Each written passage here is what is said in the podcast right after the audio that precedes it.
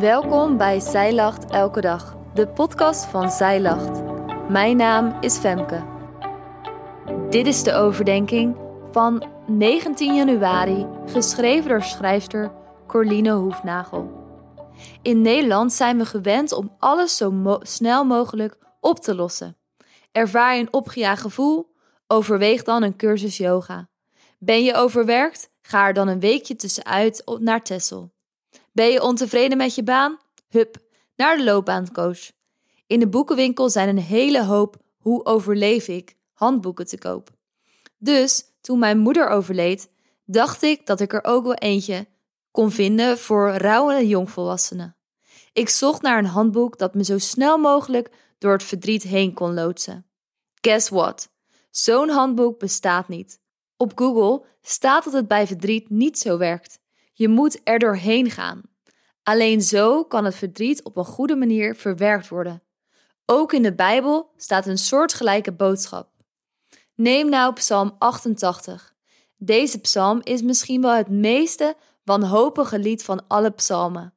Waarin andere klaagpsalmen vaak toch een zonnestraal de duisternis doorbreekt, blijft het in deze psalm heel donker.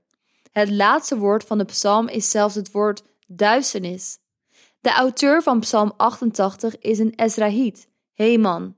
Hij schrijft dat hij zo overweldigd is door zijn ellende, dat zelfs zijn vrienden hem mijden. Heman worstelt met de angst dat de Heere God hem misschien ook wel mijdt. Hoewel er in deze psalm geen uitgesproken geloofsvertrouwen klinkt, is er wel sprake van een stil geloofsvertrouwen. Want Heman doet dag en nacht een beroep op God en noemt hem nog steeds de God van mijn hel. Zelfs nu God geen antwoord lijkt te geven.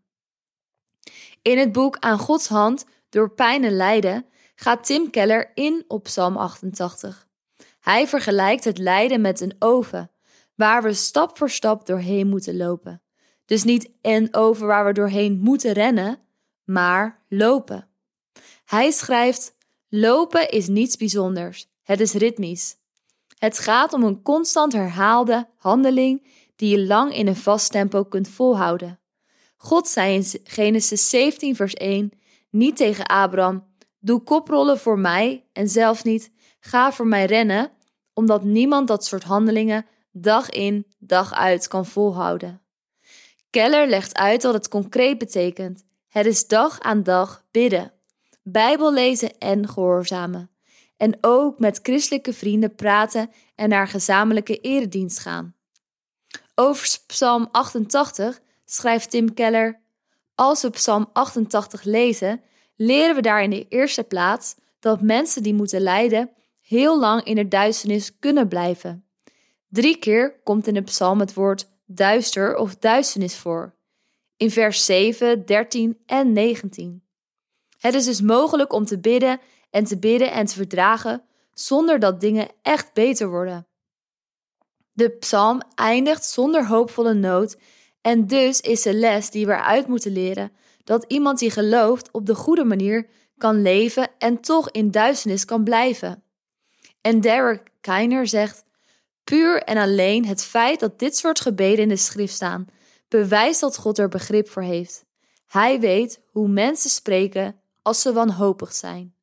Ik vind het bijzonder dat deze psalm in de Bijbel staat.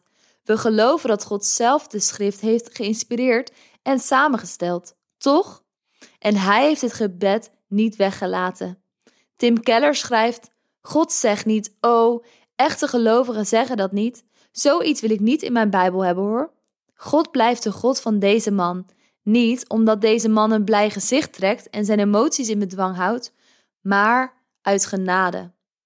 Psalm 88 moedigt je aan om ruimte en uiting te geven aan innerlijke strijd. Heeman is een voorbeeld in kwetsbaarheid. Hij leert ons om dwars door het verdriet heen te gaan. Maar hij leert ons ook dat de pijn echt pijn doet. Daar mogen we open en eerlijk over zijn. God vraagt niets meer en niets minder dan om elke dag met Hem te wandelen, stap voor stap, door elke hete oven heen dwars door het water wat ons tot aan de lippen kan staan, door de eenzame woestijn en door de grazige weiden. Stap voor stap aan Gods hand, tot onze voeten het beloofde land zullen betreden en we voor eeuwig mogen dansen op de gouden straten. Op 14 februari start de 40 dagen tijd. In dit leesplan, Feest van Bevrijding, volg je de Israëlieten in hun reis door de woestijn van slavernij naar vrijheid. En je ontdekt samen met de eerste volgelingen van Jezus over het leven in Gods koninkrijk. Wil jij meer toeleven naar Pasen?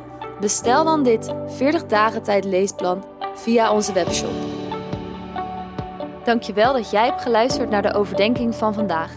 Wil je de overdenking nalezen? Check dan onze website. Je vindt er ook meer toffe dingen die jou helpen om de Bijbel vaker te openen, zoals boeken, Bijbels, cursussen en evenementen. Morgen ben ik weer bij je terug met een nieuwe overdenking.